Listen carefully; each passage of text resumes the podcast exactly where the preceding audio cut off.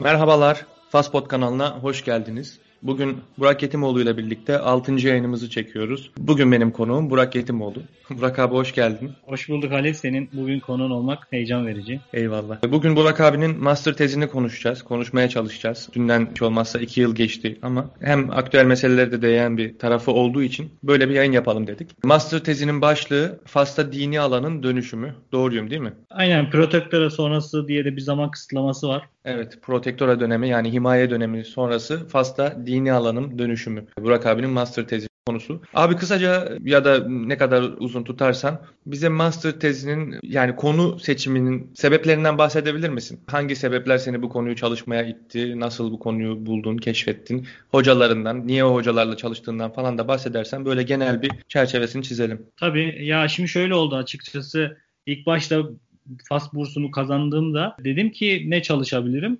İlk böyle FAS'taki Yahudiler çok ilgimi çekmişti. İşte İsmail Celal'ın Fas Tarihi kitabında görmüştüm o göç edenler. İşte Fas'ta o Yahudi nüfusunun ağırlığı beni ilgimi çekmişti ama buraya gelince biraz daha farklı işte buradaki AK Parti, Türkiye'deki AK Parti bunlar karşılaştırmalı çalışılabilir mi gibi böyle direkt bir siyasi partiler çalışmayı düşünüyordum. Ama tam 2016'nın herhalde Kasım ayıydı. Burada şey oldu. Protesto eylemleri oldu. Bu Rif bölgesinde bir balıkçı kamyonda mahsur kaldı. Vefat etti çöp kamyonunda. Ondan sonra bayağı bir protesto oldu. Bunun üstüne e, Tahir Kılavuz Hoca var. El Cezire'de bir yazı yayınlamıştı. Çok ilgimi çekmişti o yazı. Yani bu protestolar neden büyük bir protestoya dönmüyor? E, bunun altında Arap Baharı dönemindeki protestolar da var tabii. O protestolarda o protesto gösterilerinin adına 20 Şubat e, Van Fevriye diyorlar. Birçok Arap Baharı ülkesinde bu işte meydan okuma, protestolar, e, gösteriler işte siyasi değişikliğe ya da işte e, diktatörlerin gidişine vesile ya da sebep oldu. Ancak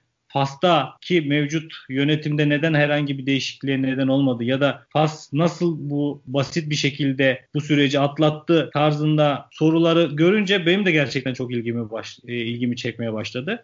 Burada da önemli nokta Muhammed Tozi benim yan tez hocam diyeyim. Buradaki master'daki hocamdı. Onun da çok önemli bir makalesi ve kitabı var hatta. O da aslında bu protesto gösteri öncesi çıkmış bir kitabı ama diyor ki Fas komşu diğer Kuzey Afrika ülkelerine hatta buna işte diğer Arap ülkelerini de katabiliriz. Neden o komşu ülkelere göre daha stabil, daha güçlü bir e, yönetimi var. İşte herhangi bir gösterilerde ya da işte herhangi bir ekonomik sıkıntıda neden mevcut sistem sarsılmıyor gibi e, sorular vardı o kitapta. Benim de ilgimi çekmişti. Muhammed Tozi hocadan etkilenip ben de böyle bir çalışma yapabilir miyim? Daha ne kadar derinleşebilirim? Onlarda olmayan hangi şey var? Yani neye çok değinmiyorlar? Ben neye değinebilirim gibi sorularla çıkmıştım açıkçası. Master'ına öncelikle burada École de Gouvernance et d'Economie'de başladın. Ama tezini Fransa'da Aix-en-Provence'da yazdın. Doğru muyum? Evet, çift diplomalı program vardı. Okulunda bazı denklik sıkıntıları vardı. Bundan istifade etmek iyi olur diye hem de bize de e, olumlu şeyler katar diye düşündüm. Aix-en-Provence'a yazdım. İkinci dönemi yani ikinci yılı Aix-en-Provence'da geçirdim. O zaman biraz da tezin içeriğinden konuşalım. Şimdi neden bu konuyu çalışmak istediğini, neden bu konuyu seçtiğini gayet güzel açıkladın. Muhammed Tozi'den de bahsettin. Bahsettin ki Fas'ta çok önemli bir entelektüel diyebiliriz bugün. Bayağı popüler. Bu çalışmaları çoğunu yani bu alanda siyaset sosyolojisi, işte din sosyolojisi alanındaki şu an günümüzde yaşayanlarda ilk üçte yani hani bir hani direkt bir sıralama yapamam ama işte hep belli isimler konuşuluyor. İşte Hasan Raşik, Muhammed Tozi, ondan sonra işte senin de bildiğin, gerçi o biraz daha tarihçi ama yani senin alanındaki hocalar var. Sosyoloji alanında bu hocalar var. Peki abi biraz da şeyden konuşalım. Yani İslamiyet ve Fas. Bu işin e, sen de tezinde arka plan, tarihsel arka plandan bahsetmiştin zaten. İslamiyet Fas'a ne zaman geldi? Fas'taki Müslümanların çoğunluğunun mezhebi ne? Ameli mezhebi, itikadi mezhebi vesaire. E, burada İslam'ın pratiği nasıl? Tasavvufa bakış nasıl? Neden tasavvuf bu kadar çok yaygın? Neden bu kadar çok çeşitli tasavvuf kolu var? Gibi hususiyetlerden bahsederek biraz Fas'ı anlamaya çalışalım, anlatmaya çalışalım. Ben bir dönüşümden bahsettiğim için benim ana nokta aslında burada yani dönüşümden bahsetmeyi burada başlatıyorum aslında. Diyorum ki yani İslam Fas'a 8. yüzyılda işte gelmeye başlıyor. İşte ilk kuruluyor devlet burada kurulduğunda ve ondan sonra kurulan her hanedanda, her sultanlıkta nasıl bir dönüşüm geçiriyor ya da nasıl bir yeni bir anlayış geliyor diye bir tezin ilk çalışmalarını burada oluşturmaya başladım. Fas'a İslam e, aslında işte Ukba bin Nafi 670 yılında Kayravan'ı ele geçirip orayı büyük bir ilk bir İslam bölgesi yaptıktan sonra oradan devamlı e, akınlar düzenliyor. Tabi o zaman da Fas'ta 3 tane büyük var. O Berberi kabilelerle hem anlaşarak hem bazı noktalarda savaşarak bölgenin ilk İslamlaşması yaklaşık 670 ve 700'lü yıllara denk geliyor. Ondan sonra o bölge İslamlaştıktan sonra bölgede ilk kurulan devlet İdrisiler Devleti oluyor. İdrisiler Devleti de şöyle İdris'in bölgeye gelmesiyle beraber Fas'ta ilk devlet kurulmuş oluyor. Burada önemli olan nokta İdris'in Peygamber Efendimizin soyundan gelmesi. Peygamber Efendimizin soyundan geldiği için şeriflik o bölgedeki Berberi kabileleri işte herhangi bir başı bulunmayan kabileleri bir şey altında toplayıp devletin kurulmasını sağlıyor. Böylece Fas'ta yani bu günümüzün Fas'ta topraklarındaki ilk devlet İdrisiler Devleti oluyor. Ya burada şunu bahsetmek istiyorum. Şeriflik bu bölgede her zaman önemli bir rol oynamıştır. Bundan sonra kurulan mesela Murabıtlar döneminde, işte Müvahitler döneminde her bir kurulan sultanlıkta yeni bir şey eklemleniyor devlete. Mesela Murabıtlarda o ribat kavramı tamamen yabancı devletlere karşı savaşma, işte cihat etme. Burada cihat mantığı o bölgede çok önemli bir rol oynuyor. Buradaki en önemli kavram da yani Murabıtlar dönemindeki en önemli kavram da cihat kavramı işte yabancı Hristiyanlara karşı savaşma, Müslümanları koruma, işte Müslümanların izzetini ve koruma. Yani bölge 12. yüzyılda cihat mantığını tamamen kavramış ve onu içine çekmiş gözüküyor. Bundan sonra da saat yani direkt tezde Saadilere geçiyorum ve Saadiler döneminde de bu cihat mantığının e, hanedanlığa dönü yani Saadiler döneminde hem şeriflikle beraber daha çok baraka dedikleri ya bu kutsallığın daha çok sultanda toplandığının göstergesi olan böyle sultana biatın daha önemli olduğu bir yönetim anlayışı belirliyor. Ya burada antropologlar da işte Alavitlere geçerken, Saadilerden Alavitlere geçerken işte Clifford Geertz gibi, işte o Fas İslamı kavramını başlatan o Fransız antropologlar gibi hep bu dönemdeki o baraka kavramı üzerine duruyor. Ya burada baraka ne demek? Kutsallık, şey, bereket, işte sultanın kutsallık gücünün tartışılmaması. Böylece yönetimin tamamen sultana tabi olduktan sonra onun hiçbir şekilde sorgulanmayıp onun altında bir e, nefer olmaya gidilen bir yol. Yani Fas'ta İslam önce bölgeye yapılan akınlar, işte ticaret yolunun bu taraftan geçmesi ve kabilelerin yavaş yavaş İslamiyetle beraber şerif olan bir ailenin kurduğu hanedanlıkla böyle bir bölgenin İslamlaşması ve bölgenin bölgede İslamiyet'in ilerlemesi şeklinde yol aldı diyebilirim. Güzel özetledin. Peki hilafet meselesine gelirsek bu konuda neler söylersin? Yani şimdi daha önceki programlarımızda da bahsetmiştik diye hatırlıyorum. Osmanlı Devleti ile Fas Şerifi, Şerif İmparatorluğu diyelim e, öyle geçiyor literatürde. Arasındaki en büyük çatışmaların en büyük sebebi de bu hilafet meselesiydi uzunca bir müddet. Tabii Fas birçok hanedan görüyor o dönemde sırasıyla işte İdrisilerden başlayarak Murabıtlar, Muvahhidler gibi. Fas'ın İslamiyet çerçevesinde, Fas'taki İslam anlayışı çerçevesinde ne zamandan itibaren hilafet iddiası gidiyorlar? Bunlar net bir şey söyleyebilir miyiz? Çünkü biraz karışık bir durum galiba. Ben zannetmiyorum ki tam emin değilim Murabıtlar, Muvahhidler döneminde var mıydı? Çünkü zaten Endülüs'ü de domine ediyorlardı ama bir hilafet iddiası var mıydı? Şu an emin değilim.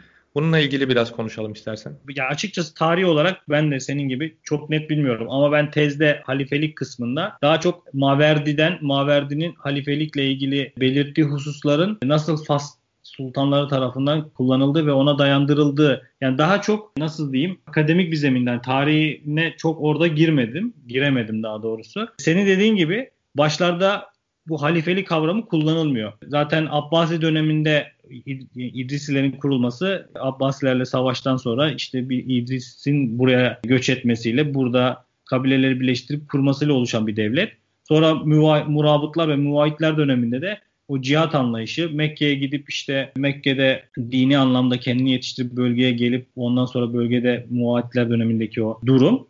Yani o dönemlerdeki sultan şeylerde, yöneticilerde bir hilafet kullanımı yok ama bir İslami oligarşi var ve bu İslami oligarşiyi de bölgede genişlemeye, bölgedeki diğer kabileleri İslamlaştırıp işte hakimiyetlerini genişletmeye bir kullanımı. Ama dediğin gibi bir dinin e, temsilcisi, dinin halifesi gibi bir söylem yok. Bu da işte benim anladığım kadarıyla şöyle bir yorum yapabilirim. Bunu tamamen şu anda çıkarıyorum. Emevilerden sonra Abbasiler, Abbasiler dönemindeki o Arap bir halifenin olması aslında bu Kuzey Afrika'da ayrı bir halifenin çıkmasını engelledi ya da çıkmadı yani halifelik kavramının kullanıldığını düşünmüyorum öyle diyeyim daha doğrusu. Ama halifeliğin 1517'de işte Yavuz Sultan Selim'le beraber Osmanlı'ya geçmesi Gerçi Osmanlı'da Yavuz Sultan Selim döneminde de böyle halifelik anlamında çok net kullanılmıyor diye biliyorum. Geçenlerde e, bir makale okumuştum. Halifelik daha sonra bir paşanın bu kavramın nasıl işte kullanılması gerektiğini ya da işte o Kureyşilik şeyinin e, şart olup olmayışı orada da Osmanlı tarafında şöyle bir argüman geliştiriliyor. Halifelik şeyi kurumu zayıflamıştı. Bu nedenle herhangi bir İslam devleti ya işte İslam toplumu bu halifelik kurumunu alıp İslam toplumuna eğer korumalık ve e, sahiplik yapıyorsa halifelik kurumunu kullanabilir gibi bir argüman var orada. Ben de benzer şeyler okumuştum ki tezde de kullanmaya çalışmıştım. Panislamizm bağlamında, İslam Birliği siyaseti bağlamında Osmanlı'nın. Zaten ilk defa zannederim 1774 Küçük Kayna Kaynarca'dan sonra mı? Evet. O zaman bir metinde geçiyordu. İhtiyaç duymuyor diyor. Yani Osmanlı Devleti'nin öyle bir şey zaten ihtiyacı yok. Böyle bir ihtiyacı yok derken sadece bunu kullanmaya değil de böyle bir şey gündeminde değil. Ama ne zaman ki işte yavaş yavaş artık kolonizasyonla yüz yüze gelmek durumunda kalıyor Müslüman devletler, Osmanlı Devleti, Osmanlı Devleti'nin eyaletleri.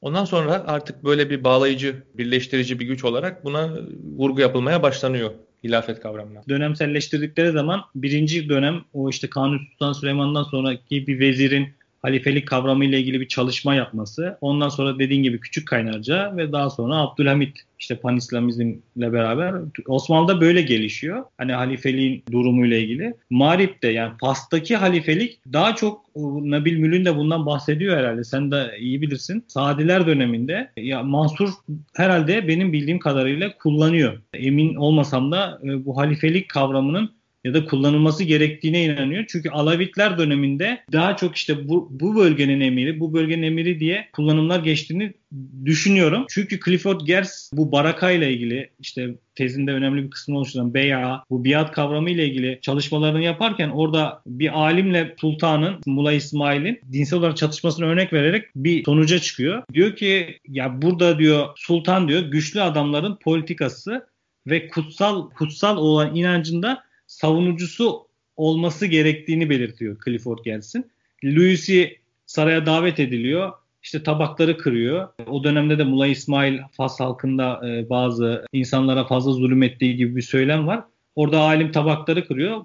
Sultan da diyor ki sen benim misafirimsin. Yani Sultan şeyde sarayda nasıl böyle tabakları kırabilirsin diye soru yöneltince Louis de diyor ki ya diyor sen diyor e, Allah'ın diyor yarattığı insanları diyor burada diyor eziyet ediyorsun diyor şey yapıyor öldürüyorsun diyor da ben senin tabakları kırınca mı sorun oldu diyor. İşte orada Sultan hemen sinirleniyor sen diyor nasıl benimle konuşursun diyor. Ben işte diyor Müslümanların emiriyim burada sultanım buranın koruyucusuyum. O da diyor ben de işte alimim ben de Allah'ın diyor verdiği ilimleri okudum. Orada onu kovuyor. Çık buradan diyor. Tamam diyor saray senin sarayın. Çıkıyorum. Sarayın dışında bir yere yerleşiyor. Ve sultana haber getiriyorlar. Diyorlar Louis'e gitmedi efendim hani ne, e, ne yapalım nasıl bir müdahalede bulunalım. Sultan... İsmi ne abi tam olarak ben anlamadım ismini. Louis mi?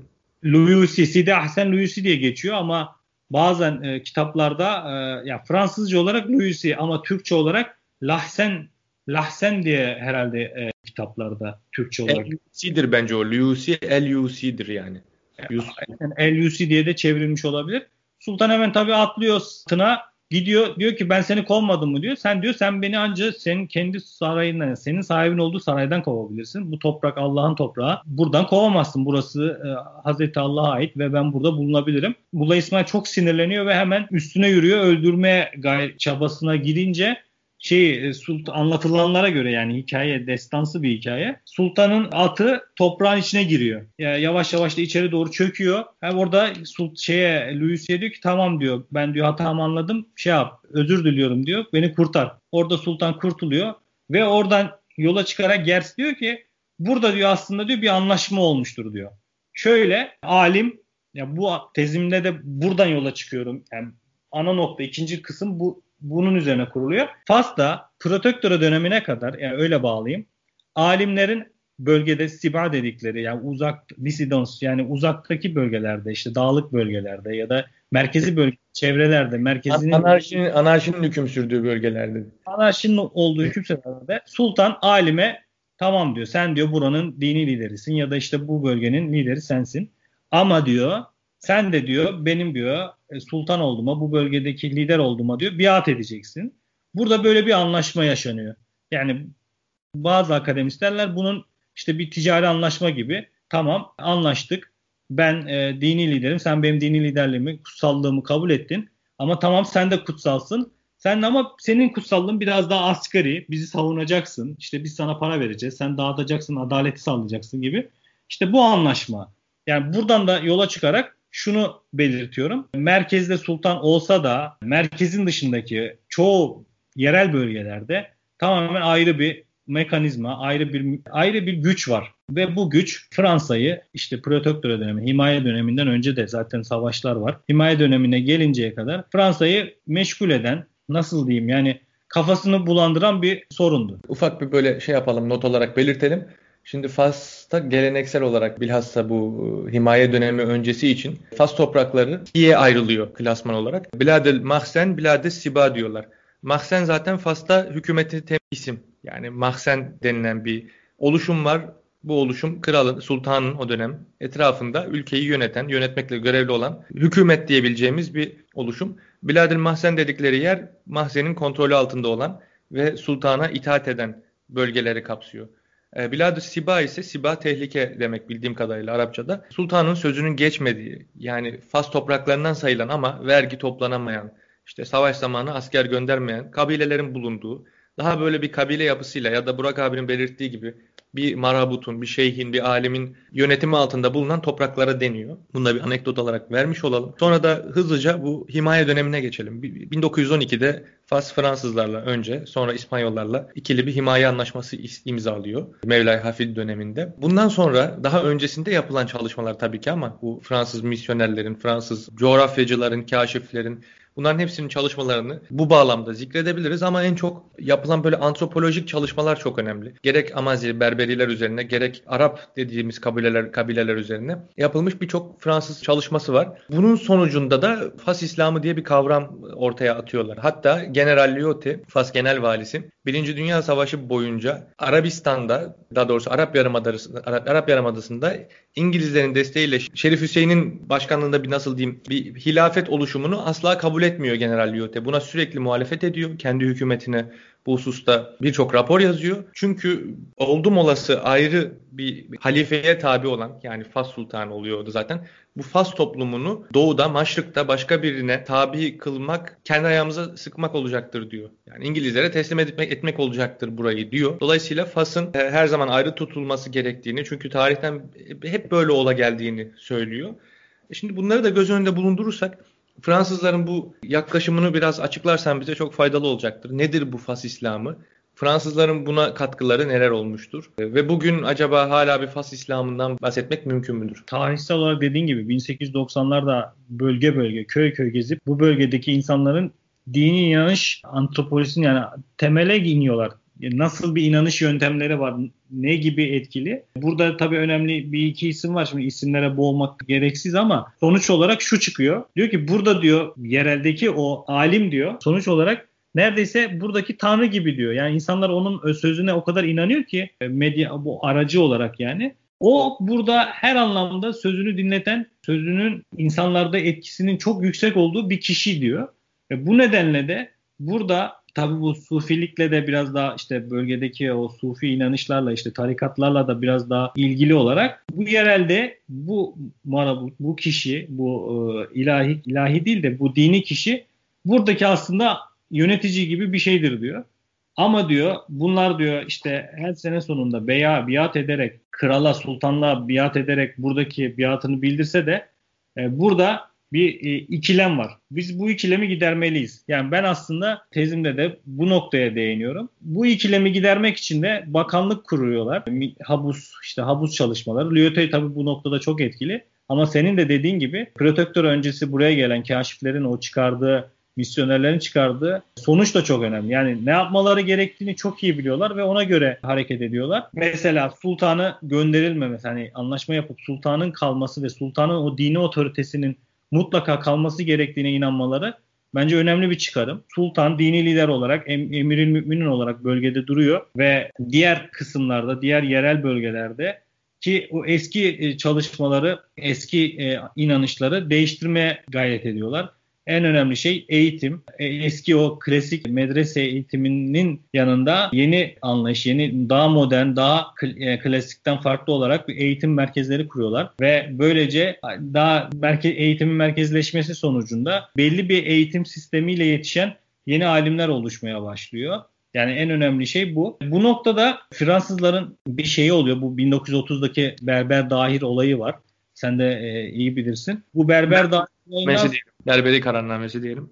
Aynen Berber kararnamesi. Bu noktada Fransızlar bir deneme yapıyorlar ve hani bölgeyi acaba ay- ayırma ya da şey yapabilir miyiz işte Berberlere ayrı bir hak tanıma çalışması yapabilir miyiz? Buradan müthiş bir tepki alıyor ve müthiş bir isyan alıyor. Çünkü burada şöyle bir şey var. Fas'taki bulunan e, topluluklar dini İslam inancıyla birbirlerine bağlandıkları için yani İslam ortak noktaları olduğu için onlar da Müslüman, biz de Müslümanız diye Fas'ta büyük bir ayaklanma oluyor ve tabii ki bu Berber kararnamesi ilerleyemiyor, yarıda kalıyor. Onu da biraz açalım istersen. Dahir Berber denilen Berberi kararnamesi şu kapsıyor aslında. Fransız bu bahsettiğimiz bilim adamlarının, sosyal bilimcilerinin, antropologlarının vaktiyle yaptığı çalışmalara dayanarak Fransızlar şöyle bir şey söylüyor. Şimdi Fas'ta Araplar ve Berberiler var temel olarak. Ama zaten bunlar 7. yüzyıldan itibaren karışa gelmişler. Yani bugün %100 Arap, %100 Berber e, diye bir şeyden bahsetmek zaten söz konusu değil. Tabi gene Berberi köyleri var, Arap köyleri var. Bunlar biliniyor, kabileler ayrı. Fransızların bu kararnamesi Berberileri tabi oldukları, mevcut tabi oldukları şer'i hukuktan çıkarıp kendi geleneksel örfi hukuklarıyla yargılanacakları yeni bir sistem e, ortaya atıyorlar. Bunu da şundan söylüyorlar. Berberiler tamam Müslüman olduktan sonra bile hep kendi örfi hukuklarını işlettiler. Hiçbir zaman e, sultanın ve sultanın mahkemelerinin uyguladığı şer'i hukuka tabi olmadılar gibi bir şeyler diyorlar. Burak abinin bahsettiği gibi bu da çok e, ciddi bir şeye sebep oluyor, infiale sebep oluyor. Latif ibadetleri falan yapılıyor bunun sonucunda. Yani buradan da işte sonuca doğru ilerlersek İslam'ın Fas Sultanlığında, Fas Krallığında her zaman çok büyük bir rolü olmuştur. Fransız himayesi geldiğinde de Fransız yöneticileri bundan aslında yararlanmıştır. Çünkü sultanı muhafaza ederek, sultanın o dini gücünün altında ülkede çalışmalarını yaparak bölgenin bölgedeki İslami anlayışın, İslami kurumun, bu hakimiyetin tek merkezde toplanması çalışmalarında başlatılmıştır. 1956'da da Fransızların gitmesinden sonra bakanlık, Dini İşler Bakanlığı, El-Kaf, işte Habus adıyla Diyanet İşleri Bakanlığı'nın altında kurumlar kurularak önce işte eğitim sisteminin değiştirilmesi, ardından ulema heyetlerinin kurulmasıyla birlikte günümüze geçecek olursak günümüzde e, müthiş bir bürokratik bir dini dini bir oluşum, dini bir devlet olmuştur Fas Krallığı ve bu konuda da inanılmaz titiz çalışmaktadır. Yani öncesinde çok farklı, çok zengin bir iklimdeki bir dini anlayış, İslam dini anlayışı. Bugün artık Fas İslam'ının o işte Fransızdan icat ettiği Fas İslam'ın bugün çok daha katı bir şekilde savunulduğu bir hal almıştır. Bu Fas İslamı nedir? İşte Eşari anlayışı, Maliki mezhebi ve Sufi inancı ile birleşmiş bir Fas İslamı. E, bugün de senin dediğin gibi konuyu ilk açarken belirtmiştin. Bugün de tartışmalar oluyor. Ya bu tartışmaların en büyük nedeni işte Fransa'daki o separatizm, ayrılıkçı kanun da mesela işte dış devletlere, dış devletlerin ülkedeki e, Müslümanlara çalışmalarını engelleyeceğini, engelleyeceğini belirten bir e, kanun üzerinde şu an tartışıyor Fransızlar. Bu tartışmanın aslında en önemli saç ayaklarından biri Fas. Çünkü Fas'ın hem Fransa'nın içinde hem de Fransa'nın dış Afrika'daki din politikasında çok büyük bir önemi var. Özellikle Mali'de. Bu Kuzey Afrika, Frankofon Afrika ülkelerindeki Müslümanların yetişip işte imam olması ve kendi ülkelerine dönüp ya da Fransa'ya dönüp e, orada Müslümanlara rehberlik etmesi altında burada habusun altında bir e, kurulan kurum var. Enstitü Muhammed Sis diye. E, bu kurum işte Afrika'daki öğrencileri yetiştiriyor ve yine kendi ülkelerine gönderip orada imam olmasını sağlıyor. Aslında yani bu bu kurum 1956'da Fransızların gitmesinden sonra Fas İslam'ının kurumsallaşıp merkezileşip tek bir elde toplanıp daha sonra da e, bölgeye dini olarak, din diplomasi olarak etkisinin bir sonucu olmuştur diyebilirim. Bu arada şey de söyleyebiliriz değil mi? Yani bugün bu Fransa'daki bilhassa bu rahatsızlık sonucu şu an yürütülen çalışmalar kapsamında Fas'ın dinler arası diyalog noktasında da çok önemli bir yeri var. Bilhassa şu son bir iki yılda artan bir şekilde görüyoruz bunu. Papa'nın ziyareti vesaire. Sen bununla ilgili bir şeyler de yazmıştın galiba. Evet. Biraz da onlardan bu konu bağlamında bahset istersen. Tabii ya şimdi şöyle olay aslında 2003'te kopuyor. Casablanca saldırısı sonrası. Çünkü zaten 2003'e kadar Habus böyle çok yoğun çalışan, bizim Diyanet İşleri Başkanlığı gibi düşünülmemesi gereken bir kurum. Evet Habus var, Diyanet İşleri Bakanlığı var, e, o kurumun başında da biri var. Ve daha çok eğitim alanında yani işte imamlar nasıl yetiştirilmeli, imamlar e, vazifeleri nedir, ne gibi çalışmalar yapmalıdır ve şöyle diyeyim ya 1956 çok içinde değil yani gündemde değil bu kurum. Aynen gündemde değil. Bir de şöyle bir şey var zenginlik içindeki kurumun içindeki çeşitlilik her zaman aktif. Yani nasıl diyeyim Maliki mezhebinin dışında ya da işte Sufi geleneğin dışındaki insanlar da yani daha Selefi düşünceye yakın insanlar da bu kurum içinde yer alabiliyor. Hatta bakan benim bildiğim kadarıyla e, bu e, düşünce içinde biri. Yani bu, bu bir çatışma yaratmıyor. Ama Casablanca saldırısı sonrası, terör saldırıları sonrası özellikle de Madrid'deki terör saldırısı sonrası 2003-2004'ten sonra o eski kurulan 1982'de kurulan kurum mesela tekrardan yenileniyor. 2004'te tekrar onun üstünde bir kurum daha kuruluyor Rabıta adında. 2012'de bir daha kurum kuruluyor. Yani 2003'teki 2004'teki terör saldırıları sonrası bir dönüşüm yaşanıyor ve bu dini kurumun bürokratik yapının rasyonel yapının artık tamamen yoğunlaştırılması gerektiğine inanan bir sonuç çıkıyor. Muhammed Beş Muhammed Altı'nın yani şu anki aktif kralın, Fas kralının da yaptığı açıklamalar bu yönde. Biz Fas İslamlı olarak e, bu zamana kadar birçok dine ev sahipliği yapıp onlarla beraber yaşama kültürüne sahip bir ülkeyiz sahip bir İslami yapıya sahibiz. Ancak işte günümüzde bazı yapılar ülkemizde çalışma yapmış ve farklı sonuçlar işte e, saldırıların arkasındaki insanların düşünce yapısını geliştirmiştir. Biz buna karşı Fas İslam'ını savunacağız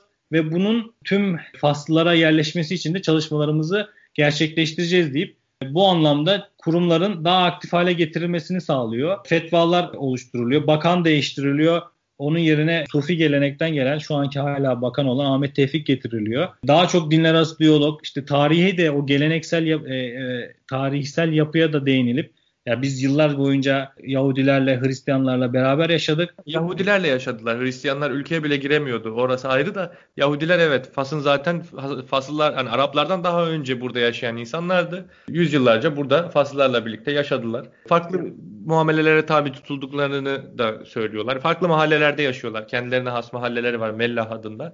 Ama sonuçta buranın ticari, iktisadi, sosyal hayatına hayatının içindeydiler Yahudiler. Ama Hristiyanlar için böyle bir şey söylemek söz konusu değil. Ancak e, 1906 Algeciras anlaşmasından sonra, El Cezire anlaşmasından sonra Hristiyanlar ağırlıklı olarak buraya gelebiliyor diyebiliriz. Evet, bu Fas'taki 2004'te yapıyor bu konuşmayı. Hatta kurumun e, yeni kurulan Konseyde Ülema'nın açılışında yapıyor diye hatırlıyorum. Tam emin değilim. Diyor ki artık diyor biz diyor açık görüşlü, başka insanlara saygılı, işte diğer dinlerdeki insanların Fas'ta rahatça yaşayabileceği, hoşgörü, dinler arası diyaloğa imkan veren bir din anlayışını savunuyoruz ve bu anlamda da tüm kurum, tüm kurumlarımızı bu dön- şeyde dönüştüreceğiz bu anlayış çerçevesinde. Yani bunun nüveleri, ya bunun farklı farklı şeyleri oluyor. İşte fetva merkezleri kuruluyor ve o fetvalar e, oradan yavaş yavaş verilmeye başlıyor. Tabii tek tek e, fetvalar şimdi hatırlamıyorum ama bunun en önemlisi e, bir spor organizasyonunda verilen fetva büyük bir tartışma yaratıyordu. Ondan sonra tabii e, mürşidat yani kadınların da yavaş yavaş yetiştirilmesi ve kadın görevlilerinin yoğunlaştırılması tabii bir dönüşüm olarak algılanıyor. E, bunun en sonraki dönemlerde de 2019'da Papa'nın gelmesi, Papa'nın bu formasyon e, dini eğitim veren kurumun Afrika'daki öğrencilere dini eğitim veren kurumda üç farklı dinden sorumlunun orada ilahileri beraber okuması, Papa'nın Fas'ın din diplomasisine ve Fas'ın bu e, dinler arası diyalog tartışmalarına imkan veren dini anlayışın önemine önemiyle ilgili açıklamalar yapması, Fas kralının da aynı anlamda açıklamaları sürdürmesi, Fas'ın yürüttüğü din diplomasisinin daha iyi anlaşılmasını sağlayabilir. Ne gibi? Yani bugün daha da önce de söylediğim gibi Fas Fransa bölgelerinde, Frankofon ülkelerinde, Afrika ülkelerinde büyük bir öğrenci yetiştirip o ülkeye gönderiyor. Onun dışında burada da çok büyük bir Afrikalı popülasyon var. Göçmen olarak gelmiş. Hatta Papa onları da ziyaret etti. Burada da onların dini inanışlarını sürdürmesi, dini e, hayatlarını devam ettirebilmesi için çalışmalarının takibi gerekçelerle bu e,